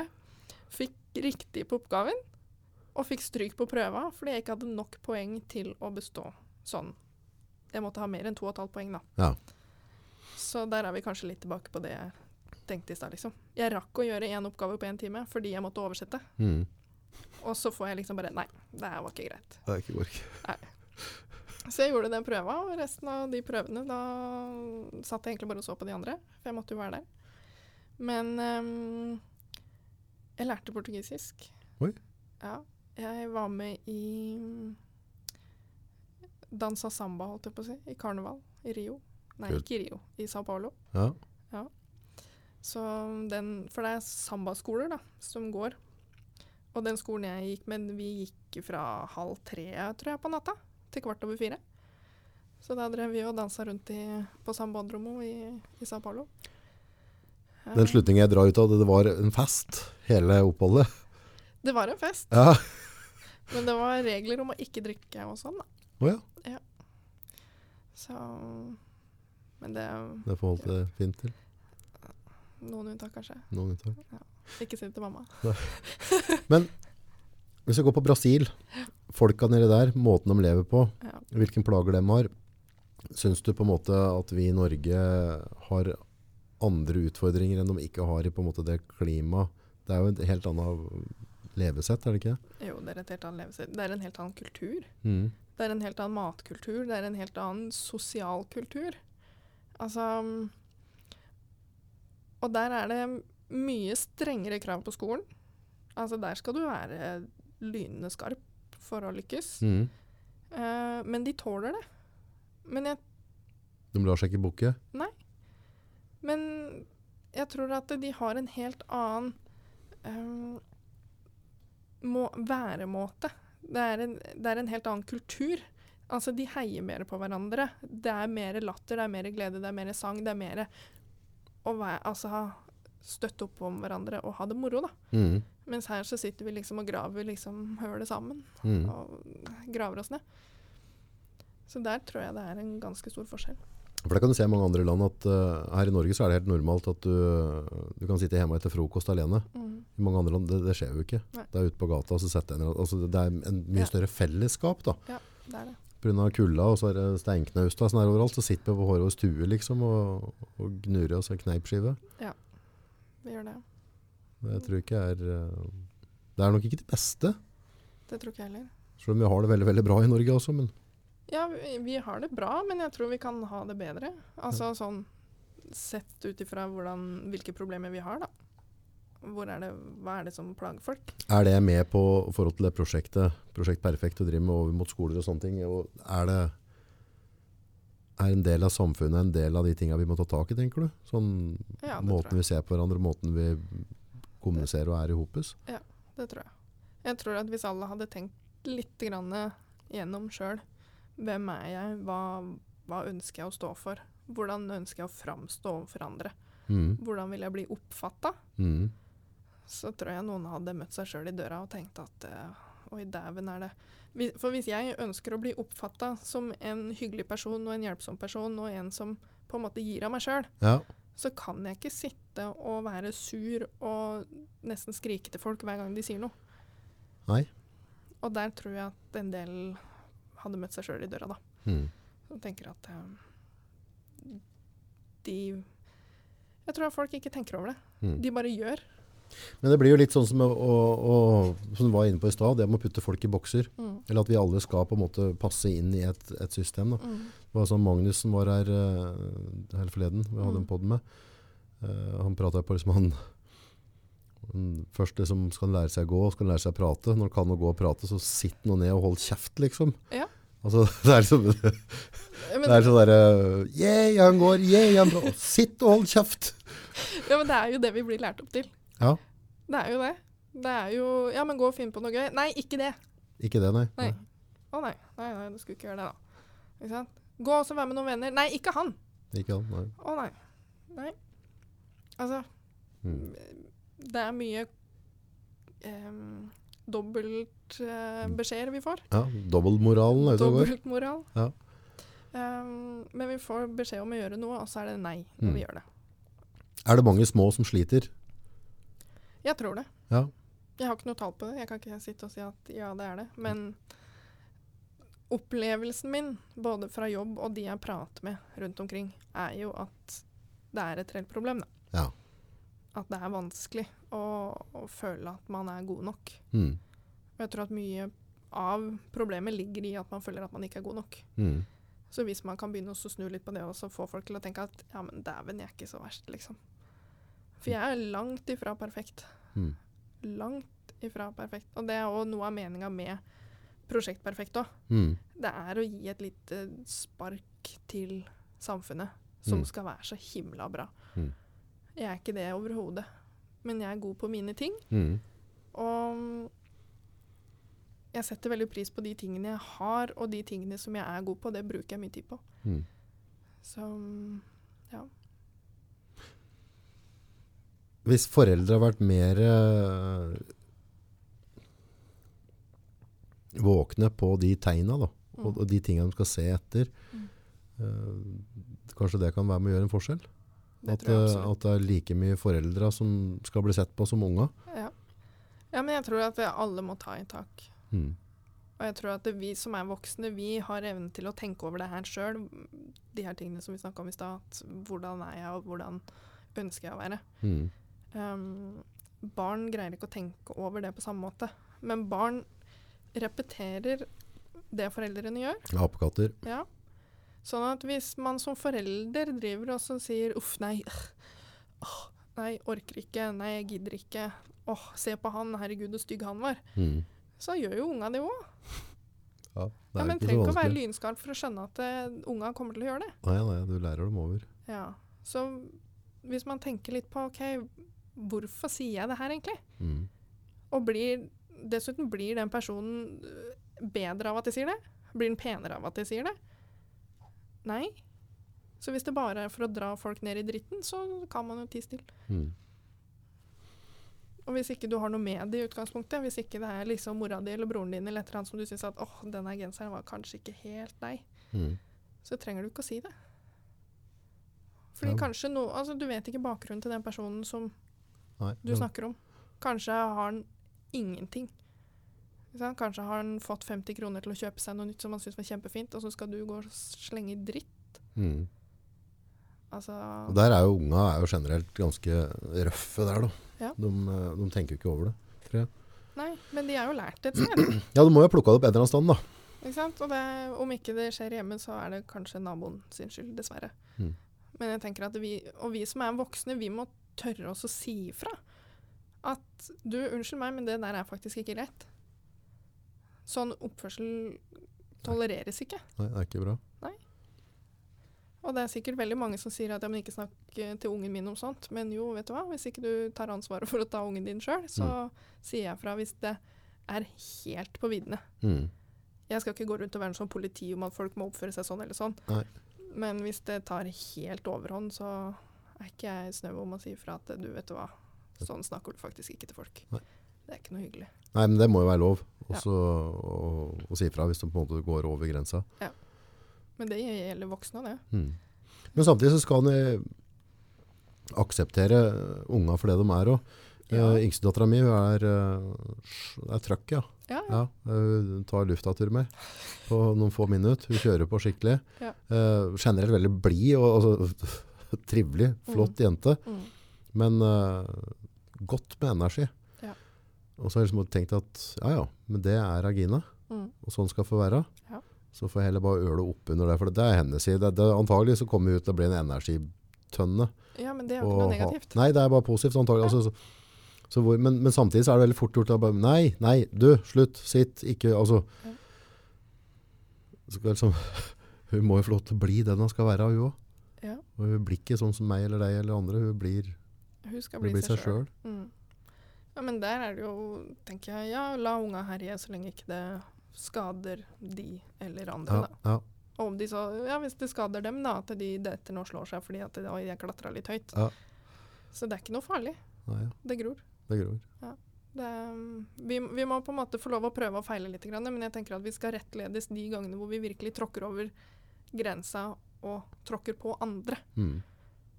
Om vi herjer og leker og løper og baser sjøl, så får vi bare holde på med det. Mm.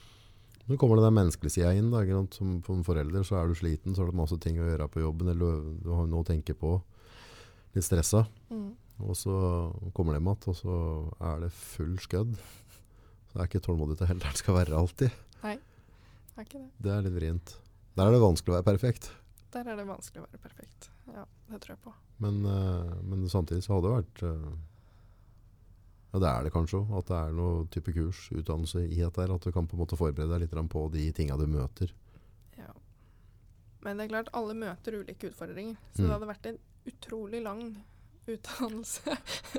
kanskje ungen din blir sånn, eller kanskje den blir Ja, sånn. ikke sant, ja, sant? Det jeg tenker at litt sånn sunn fornuft og bare litt, la ungene glede seg med det de er glad i. Mm.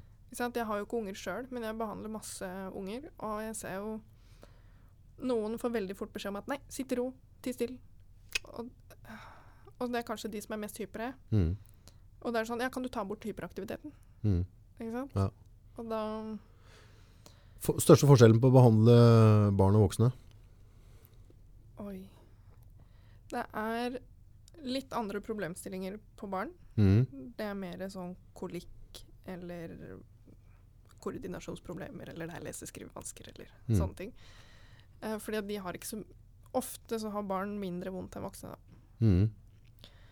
Eh, hos voksne så er det jo alle de kjente kjære plagene. Mm. Um, men det som jeg syns er veldig spennende, det er at jeg kan behandle en voksen akkurat likt som jeg behandler et barn. Ok. Fordi at vi er jo bare veldig store barn. Mm. sånn egentlig. Um, men jeg kan ikke behandle barn sånn som jeg behandler en voksen. Så det vil si jeg knekker ikke på barn, tøyer ikke direkte på barn. Eh, så der bruker jeg veldig mye indirekte teknikker, og da er det folk som spør ja, men hva gjør du nå? Mm. Og for det å ha hatt noen som har blitt liksom egentlig ganske forbanna, Mm. som har tenkt at hun der, hun sitter bare og kødder med meg nå, -hmm. og så skal jeg betale for de greiene Ja, her. ja, driver med trollstreker. Ja. Og så kommer de tilbake, eller ringer dagen etterpå. Hva i all verden var det du gjorde for noe da? Hva har gjort for da? Og nå skal du gjøre den der eh, magiske greia som du pleier å gjøre. Ja. Ikke sant? Ja. Fordi det å jobbe med bindevev, det krever jo ikke noe trykking eller sånt. Nei vel? Det krever egentlig bare at jeg holder på og så jobber med bindevevet. Hvor det vil være hen. Og det høres jo Det Høres mambo jumbo ut. Ja. Og jeg er helt enig. Ja. Jeg tror ikke noe Altså, nå tror jeg på det. Ja. Jeg trodde ingenting på det. Nei. Jeg var veldig i opposisjon når vi skulle lære det her på skolen. Mm. For jeg tenkte at uh, hva er det du sitter og driver med, liksom? Ja, ja. Det er bare tull. Og så gikk jeg den videreutdanningen med barn. Lærte sånne type teknikker på hele kroppen. Og det er egentlig bare fantasien som setter grenser. Og så ser jeg hvor effektivt det er. Mm. Altså folk som har hatt vondt i 15-20 år, som sier 'hva i all verden er det du har gjort'? Hva skjedde, Ikke liksom? Vært innom meg kanskje en time. Folk som har hodepine mange ganger i uka, og så sier de 'hva i all verden er det du drev med'? Hm. Eller hodeskader. Så Mm. sier de 'ja, men alt er bra nå'. Ikke sant? Det er kanskje mm, tre måneder siden hodeskaden. Mm. Og så føler de at det er tilbake til normalt. Men så er det ikke det i det hele tatt. Så når du begynner å spørre ja, men sover du godt? Nei. Ja, men hvordan er liksom hukommelsen din? Nei, men den er helt på tur. Husker ingenting. Eh, ja, hvordan er det med aggresjon eller sinnsstemning? Mm. Nei, jeg blir fly forbanna, jeg. Mm. Ja, var det sånn før? Nei. Nei, OK, du er kanskje ikke helt tilbake til normalt. Nei. Og så tar det kanskje en time som du sitter og så kjenner at OK, her er det det sitter, her, er, her har slaget vært, f.eks. Sitter og jobber med det. Det blir en helt annen bevegelse. Så du kjenner at OK, her begynner kroppen å jobbe igjen. Og da kan du komme tilbake gangen etterpå og si du, nå sovner jeg når jeg legger meg. Jeg har Mm. ikke vært sint siden sist, og jeg begynner å huske ting igjen. Det handler om å få kroppens egne systemer til å fungere. Er det noe vi kan gjøre sjøl hjemme med unga på båter for å roe dem ned? Ja, det, det er jo som vi snakka om i stad, da. Det der med trykk på kroppen. Ja. Eh, rett og slett roe ned hjernestammen. Ja. Sånn at det, Er det noen steder det er bedre å trykke enn andre? Nei. Nei, Det er samme. det spiller ingen rolle. Spiller ingen rolle. Det kan være på he altså, Du kan gjerne bare ta hele kroppen, liksom. At Ja. du bare går oppover, oppover Bare oppover lett beina. massasje, eller bare trykk, rett og slett. Ikke massasje, men bare trykk. Ja, bare trykk. Bare sånn at du kjenner at ok, nå gir jeg litt sånn klem. Ja. Men ikke sånn at det gjør vondt, liksom. Nei. Men bare her, jeg holder deg fast, Ja. liksom. Hm. Så da begynner du å roe ned kroppen. Og, ja. og det er sunt for unger, tror jeg. Og derfor mor mi holdt meg så hardt i armen da jeg var liten. Ikke sånn hardt. Øra var et sånn Ja, populært, eh, populært eh, punkt da jeg var liten. Ja. Tåtut-dansen var vri sånn, og så flyr du etter. ja, ikke sant. Jo, men jeg fortjent da. Det er som regel Men det er det slutt på i dag. Ja. Tror ikke Tror ikke det er normalt å dra unga i øra mer. Nei, jeg tror ikke jeg heller. Det tror jeg kanskje er ulovlig òg, jeg vet ikke. Jeg har ikke sett Ja. noe til liksom, i det siste. Nei. Men jeg vet det var ganske normalt når jeg vokste opp. Ja, men det er veldig mye som ikke er lov i dag, som var lov før, da. Ja. Men det er bra at det ikke er lov, altså. Ja, det, ja. Det- det fins andre måter å løse det på. Det gjør det. Så, Uh, Selv om jeg hadde forståelse for dem.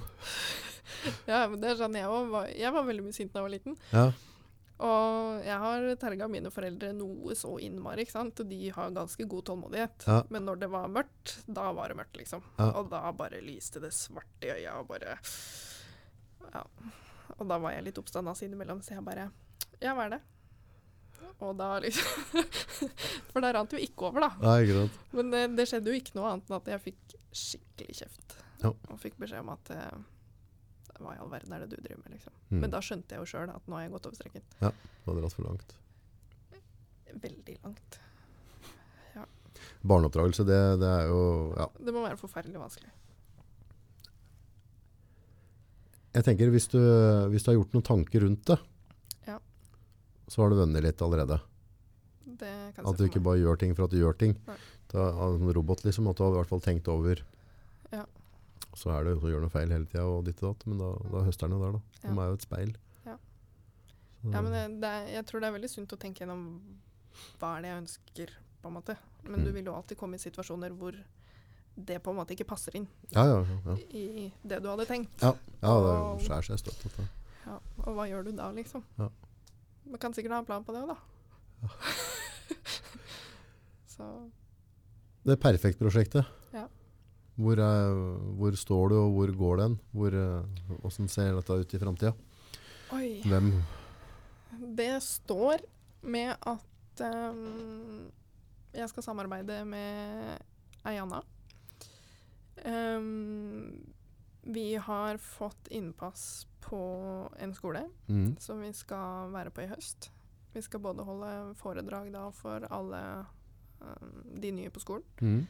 uh, og vi skal mest sannsynlig være der litt Så um, ellers, så det bare er å komme og snakke med oss. Ja.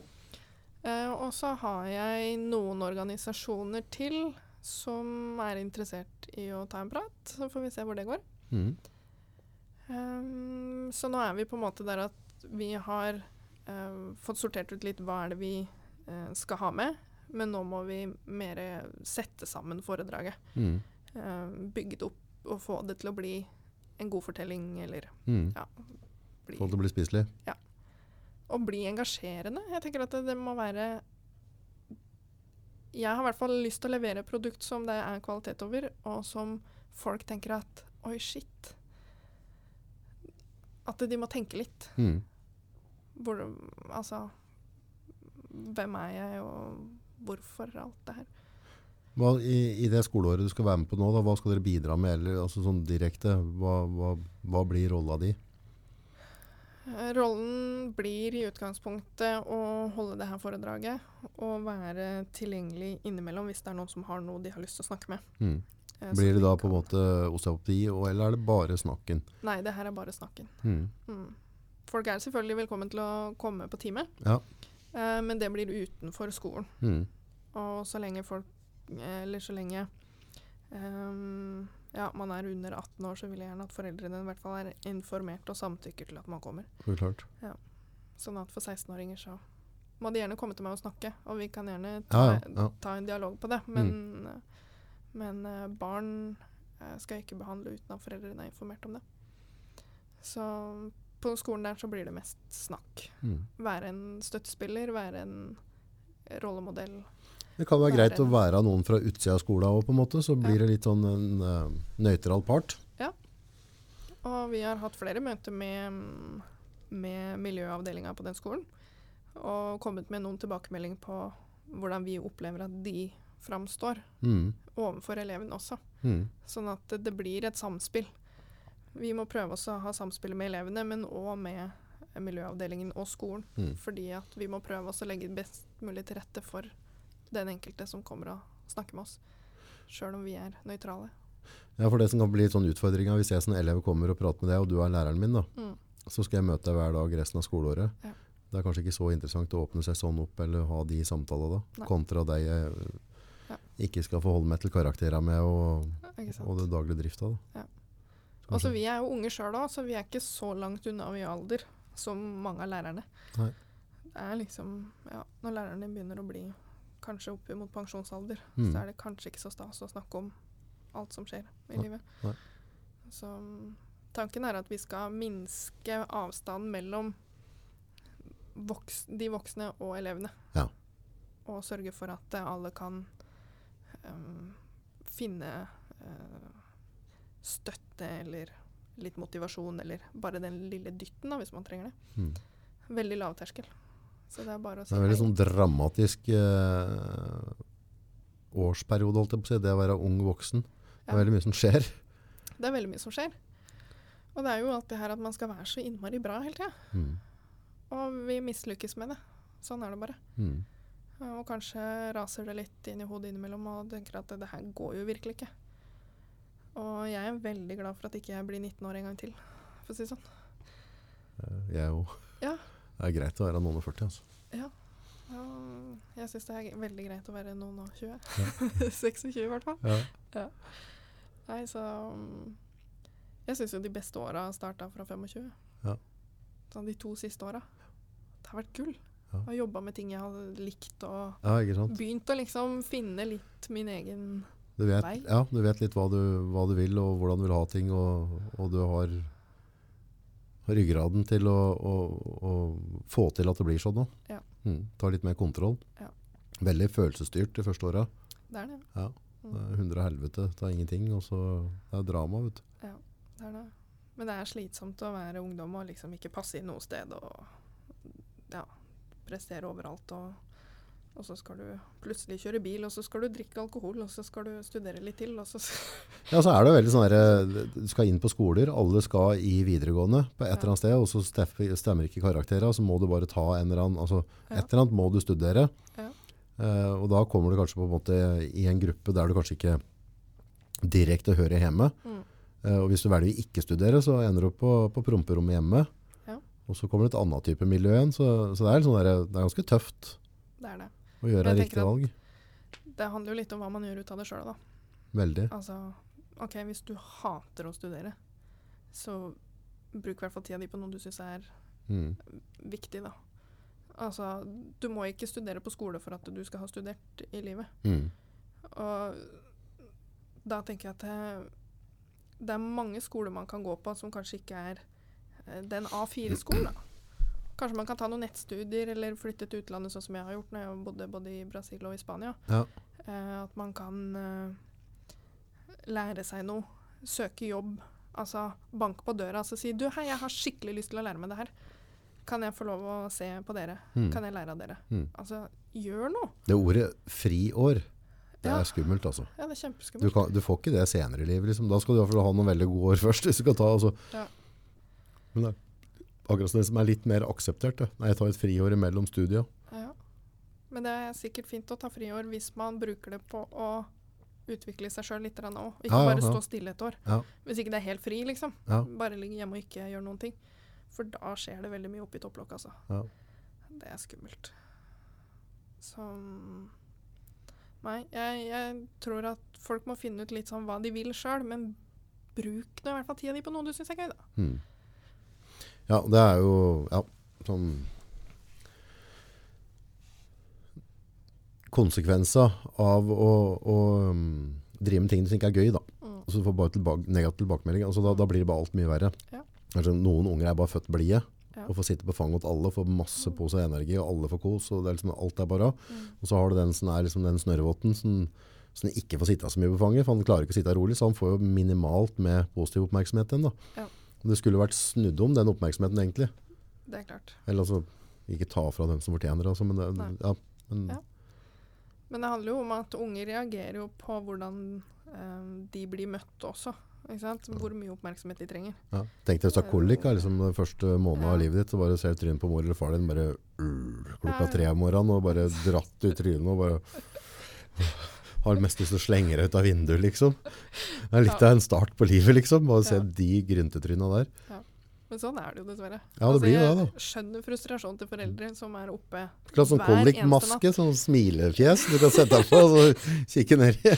Ja, det var kjempeidé. Ja. Ta patent. Ja.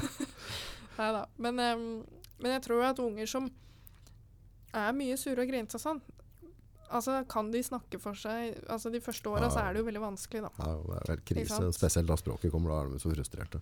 Ja, og når, når språket kommer, at man faktisk kan sette seg ned og si du, hva skjer nå? Mm. Hva føler du på nå? Mm. Og unger kan ikke beskrive følelsene sine på samme måte som vi voksne kan. Ja, Men at man i hvert fall kanskje kan si at du, jeg ser at det er noe som du syns er fryktelig leit nå. mm. Hvordan kan vi finne en løsning på det her? Mm. Ta og prate om som mennesker. Ja, Det er vel en sånn enkle ting at du bare tar ut, to, tar ut en yoghurt liksom med banansmak. Du sitter der, og du, bare, du hater banansmak, men du får ikke sagt det. Nei. Så bare sett noe to fra den, og så har du mulighet til å velge, ikke sant? Mor di kommer og tvangsfôrer deg med jordbæryoghurt hver morgen en måned, liksom. Du bare, ah, ja, hvordan skal jeg få ytre alt der da, uten å spytte det ut på bordet og bikke det og ordne og styre, og så får du kjeft for det for at du søler. Ja, det er jo For de har jo smakssats de òg, liksom. Ja, det er jo en måte de sier ifra på, da. Ja, ja. At um, det her er ikke ikke noe for meg. Um, ja, men når, når språket kommer også, at man setter seg ned og spør ungen hva Jeg skjønner at du er frustrert, liksom. Mm. Hva, hva skjer? Mm. Eller om de kan tegne det. Eller om de kan bygge Lego. Altså finne en måte så de kan liksom Uttrykke seg på. uttrykke seg på. Mm. Eh, fordi det var sånn som jeg kjente veldig på. Jeg var veldig veldig sint da jeg var liten. Jeg var mye sint. Mm. Men jeg ble jo aldri forstått av noen, uansett om jeg hadde ord eller ei. Nei. Så For jeg Jeg var ganske sterk. Jeg drev med kampsport fra jeg var liten, ikke sant? men jeg har aldri brukt det mot noen sånn direkte. Nei, nei. Men jeg hadde jo enorme krefter da, Ja. i den lille kroppen. Ja, ja. Um, og hvis jeg ble sint og frustrert fordi at noen ikke var greie med meg, Mm. som ble mobba på skolen og sånn, Mm. og jeg ble sint, så fikk jeg kjeft for at jeg var sint. Mm. Men det var aldri noen som spurte hvorfor. Hvorfor var du sint? Ja, og uansett hvor mye jeg prøvde å si at ja, men den og den slår meg, eller den Mm. og den er ikke noe greie med meg, og jeg får ikke være med og leke fordi at de andre vil ikke ha meg med, Mm. så var det bare sånn ja ja og nei. Og det er klart at unger blir jo sinte når det ingen, Ja, ja, ja, ingen forstår hva er det Hvorfor er du sint, da? Ikke sant? Og verdensmester i å, å terge meg er jo selvfølgelig min lillebror. Ikke sant? Og um, han vet jo alle knappa. Ja. Og jeg blir så sint, vet du, så det svartner. Ja. Og jeg tar jo helt av. Og jeg får kjeft for at jeg har gjort noe gærent. Og det skjønner jeg for så vidt. ja. Men han sitter og spiller på orgelet på andre sida. Bare Ja. Så Og det var liksom ikke sånn derre Ja, men hva har skjedd, liksom? Mm. Men jeg har gjort mye rart med han, altså. Det er han som bør være sur på deg egentlig nå. Nei, det vet jeg ikke, men Jeg vet eh, ikke. Men uh, jeg, jeg husker en gang vi var, hadde vært i Trysil og stått på slalåm. Så hadde vi heldigvis da, så hadde han fortsatt på seg slalåmhjelmen, for å si det sånn, i den bilen. Da hadde jo terga meg. Jeg tok jo tak i den der reima på hjelmen. Dro han til meg, og så bare klink inn i vinduet på andre sida. Så da var jeg helt mørkt, ikke sant. Ja. Og så sier mamma og pappa ja, men hva er det du har gjort for noe, hvorfor uh, har det og det skjedd? Jeg husker ikke. Men ikke sant, der er vi jo tilbake Mm. på at det er skrudd av, rett og slett. Reptilhjernen drog til. Rett og slett. Sånn at um, Jeg tenker at jeg savna i hvert fall det når jeg var liten. Kunne, kunne noen bare ha spurt liksom du, Eller sagt at 'jeg ser at du er frustrert, hva er det som skjer her?' Ja. Kanskje jeg ikke hadde måttet sitte med alle de her følelsene hele tida. Mm. Om å ikke være velkommen og ikke være inkludert og ikke være ikke sant? Bli ikke invitert på bursdag, fikk aldri spørsmål om å være med hjem etter skolen. Altså. Ble det ikke det? Nei. Og det er klart at unger blir jo sure når det skjer hele tida. Ja, ja, ja. ja. Det, er også, det er jo helt altså, i rette alder å ikke få være med på et bursdagslag. Det er ganske drøyt. Ja. Det er, da, da blir du sittende mye med tanken din sjøl etterpå. Ja. Lurer på hva som feiler deg. Ikke sant. Men det er der jeg Men heldigvis da, så tenker jeg at jeg har brukt det der til noe fornuftig. Ja. Ikke sant? Blir jeg invitert til bursdag nå? Nå blir jeg invitert til bursdag. Til vennene mine og sånn, selvfølgelig. Så, Så det er veldig hyggelig. Ja. Uh, Senest i går ble jeg invitert til bursdag. ja, så koselig. Ja, Ja. Nei da. Så mm, Men jeg har i hvert fall brukt det til å tenke at OK, men vet du hva? Hvis dere vil at det skal være sånn, så skal ikke jeg være med på det. Jeg vil gjøre noe annet. Jeg vil være Hva tror du hovedgrunnen var til at du ble mobba? Eller ikke Det er vanskelig å si, men jeg, jeg har alltid vært eh, veldig bestemt. Alltid turt å si hva jeg mener. Jeg har drevet med kampsport. Jeg har eh, likt fotball og ikke Barbie. mm, Jeg tror at jeg var en veldig sånn motsats mm, til alle rundt. Ikke sant? Så jeg herja med gutta og lekeslåss og sånn. mm. Um, men det var selvfølgelig der jeg fikk lov å være med litt òg, da. Ja. Så, men um, Jeg tror kanskje det har noe med saken å gjøre. Hva kunne vært gjort annerledes for å fått deg til å bli en del av gjengen?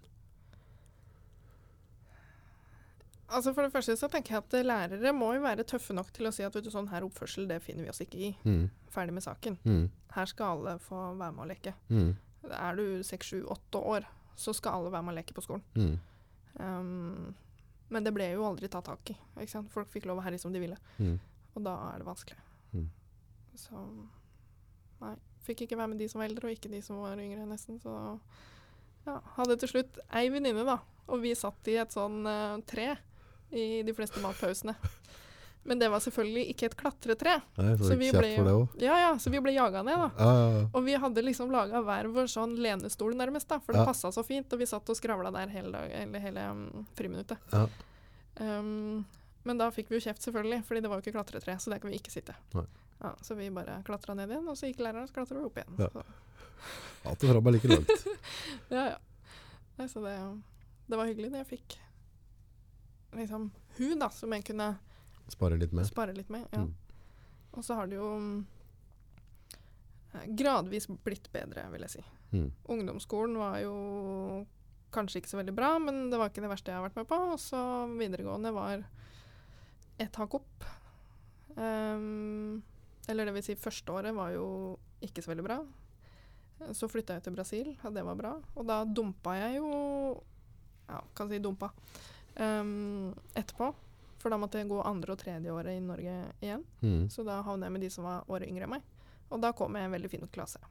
Fikk du nullstillit? For når du kommer til Brasil, så er det jo ingen som har noe førsteinntrykk. Ingen Ja. har noe 'hun er sånn' eller 'hun er Altså Ja. Men det var veldig rart. blanke ark. Det er liksom hva du sier og gjør nå, som blir på en måte min oppfattelse av det. Mm. Det måtte være godt. Det var kjempegodt. Men det var veldig skremmende. Ja. Ikke sant? Fordi jeg var vant med at folk ikke brydde seg om meg, og hva jeg syns og sånt. Og når jeg kommer der og folk spør, så altså, du ender jo opp med å ikke ha en mening. Nei. Ikke sant? For jeg veit ikke, fordi jeg ønsker så innmari bare å få lov å være med. Ja. Så jeg bare sier ja. Ikke sant? Så da blir du litt sånn der Å, eh, spurte du meg? Eh, nei, men uh, Det går bra, liksom. uh, ja. ja. Nei, så det var vanskelig, men det gikk seg jo til. Mm. Mm. Det må være litt deilig, da. For på en måte hvis du har vært kanskje i bås litt Ja. tidligere, og så kommer du dit, og så på en måte skaper du et helt nytt inntrykk Ja. av deg sjøl. Det var, det var bra. Og fikk oppleve veldig, veldig mye. Mm. Og lære mye. Komme tilbake. Kom jo for så vidt inn igjen i skolen Mm. Ehm, som vanlig. Og så når jeg begynte da på høyskolen, flytta til Spania det første året, da fikk jeg jo enda en sjanse Mm. til å på en måte være meg med blanke ark. Mm. Og da var det enda litt lettere, for da hadde jeg heldigvis gjort det en gang før. Har prøvd litt. Ikke sant? Men der var det jo bare norske elever, da. Men det var jo uansett ingen jeg kjente. Nei. Så det var veldig deilig å føle at folk var interessert i meg, Mm. og hvorfor jeg hadde lyst til å studere medisin grunnfag. Mm. For da var vi jo en gjeng med likesinnede studenter. Mm. Vi skulle studere det samme, vi skulle bo på samme plassen. Um, vi måtte jo bli kjent med hverandre og hva, hvem vi var, så det var helt topp. Så hvis man har mulighet til å flytte utenlands, så gjør det. Kast alt du har i hendene og gjør det. Kjør. Ja. Nå kjører vi. Ja. Så på tampen um, Tips, erfaring fra ditt eget liv for, eh, for noen som eventuelt lytter, som har noen som er i samme posisjon du var, eller er i samme posisjon? Oi, det er litt vanskelig. Men um, jeg tenker at For det første så prøv å snakke med noen som du stoler på. Mm. Om det er en venn eller noen i familien eller noen andre. Mm. Eller skriv til meg, for den saks skyld. Mm. Eller skriv et brev og send det til ingenmannsland. Mm. Bare for å ha fått det litt ut. Ja. Ehm, og så prøv å tenke at vet du hva, det handler ikke så mye om deg. Det handler om den som gjør det. Og det har jeg mer og mer innsett nå. Um, jeg er veldig opptatt av å snakke om at ja, men det er ikke deg som person, men det er din situasjon Mm. som gjør det her. For jeg er kanskje litt naiv, men jeg tenker at folk i utgangspunktet er gode mennesker. Mm. Men at det er no, de har det ikke bra, og derfor så vet de ikke om noe annet enn å sitte og slenge ut av seg et eller annet. Så prøv å tenke litt gjennom ok, hva er det som skjer, fordi det er veldig overveldende når alt bare kommer imot deg og du ikke vet hvordan du skal håndtere det. Mm. Men prøv å liksom kjenne litt etter ok, hvem er det som gjør det, og hvordan har de det, liksom? Kanskje man skal se det litt den veien, ikke fordi at det skal unnskylde noen ting, men bare kanskje det tar litt brodden av det. Mm. Jo, men vet du hva, hun mista faktisk en nær i familien, liksom. Slengte et eller annet dritt. Ok, men det var ikke mynta på meg direkte. Nei. Så, eh, prøv å ta bort litt sånn der eh, støy. Mm. Og så mm, ja. Prøv å være litt Prøv å bli litt glad i deg sjøl, tenker jeg. Det er viktig. Det er en fornuftig ting. Ja. Sett pris på deg sjøl. Takk for at du kom. Takk for at jeg fikk komme. Nå må vi drikke mer kaffe. Jeg skal det.